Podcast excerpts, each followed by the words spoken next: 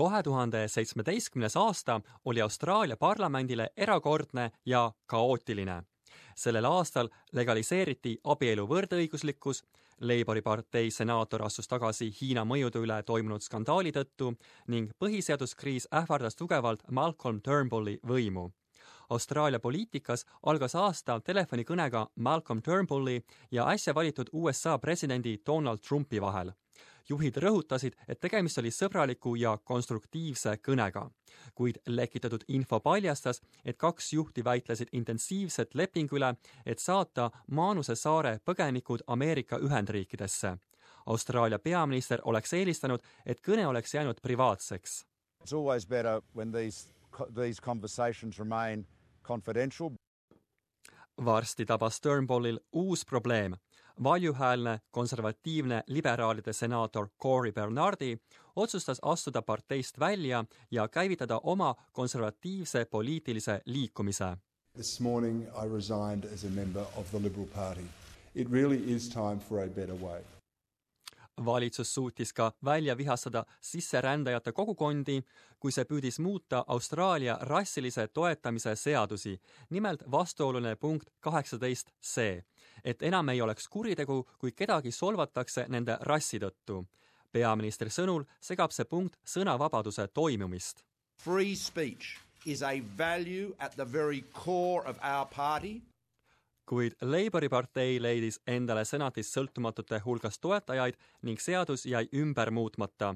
see ei olnud valitsusele ainus lüüasaamine immigratsiooniminister Peter Dutton tutvustas kodakondsustesti osas suuri muudatusi, kuid jällegi opositsioon ja Nick Xenofoni meeskond hääletasid muudatused maha. Labori partei liige Tony Burke ütles, et kavandatav inglise keele test oleks olnud liiga raske ning takistaks vähem haritud sisserändajatele kodakondsuse pälvimist. What sort of snobbery leads a government to say unless you reach university level of English, we'd rather you weren't here. skandaali tekitas ka One Nationi partei liider Pauline Hanson, kes saabus senatisse kandes purkat, püüdes selliselt juhtida tähelepanu oma nõudmistele vastuolulise islami rõivastuse keelustamiseks.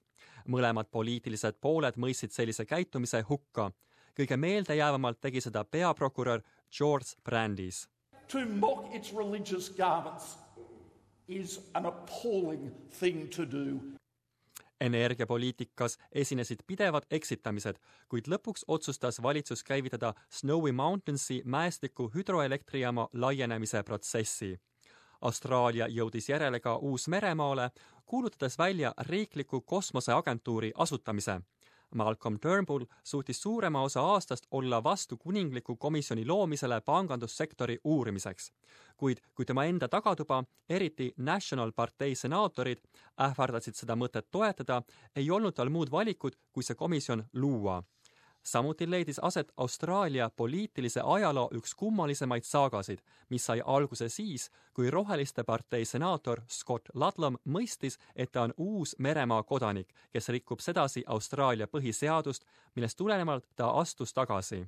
I am resigning as a senator for Western Australia uh, and co-deputy leader of the Australian Greens effective today see käik tõi kaasa arvukalt tagasiastumisavaldusi, sest üha enam poliitikuid avastas, et neil on topeltkodakondsus.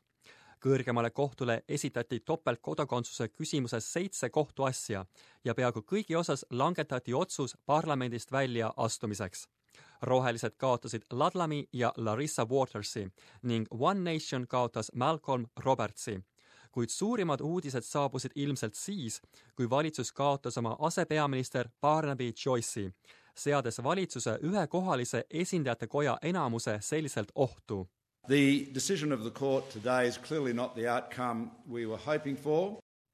Barnaby Joyce loobus oma Uus-Meremaa kodakondsusest ja aasta lõpuks võitis tema parlamendikoha tagasi. kuid parlamendis paljustus veel teisigi topeltkodanikke, Tasmaania sõltumatu saadik Jackie Lambi ja seejärel liberaalid Stephen Parry ja John Alexander Alexander suudus samuti Bennelongi kohalikele valimistele ja nagu Barnaby Joyce, võitis ta oma koha tagasi, hoolimata Labori erakonna Christina Kennelly konkurentsist. lõpuks ometi võis peaminister ker-, kergendust tunda.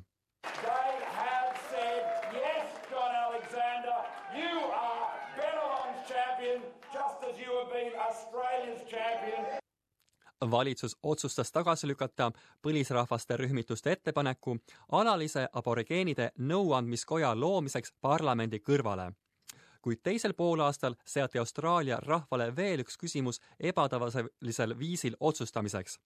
valitsus teatas samasooliste abielu küsimuses postiuuringu läbiviimisest, mis käivitas kuid kestva intensiivse kampaania endine peaminister Tony Abbott kutsus austraallasi hääletama seaduse muudatuse vastu. If you're worried about religious freedom and freedom of speech, vote no. And if you don't like political correctness, vote no. kuid lõpuks valitses hääletuses jah-kampaania võit, kusjuures poolt hääletas veidi üle kuuekümne protsendi austraallastest. Kuid lõpuks parlamendis abieluseaduse eelnõu ümber muudeti, puhkes parlamendis rõõmustav laul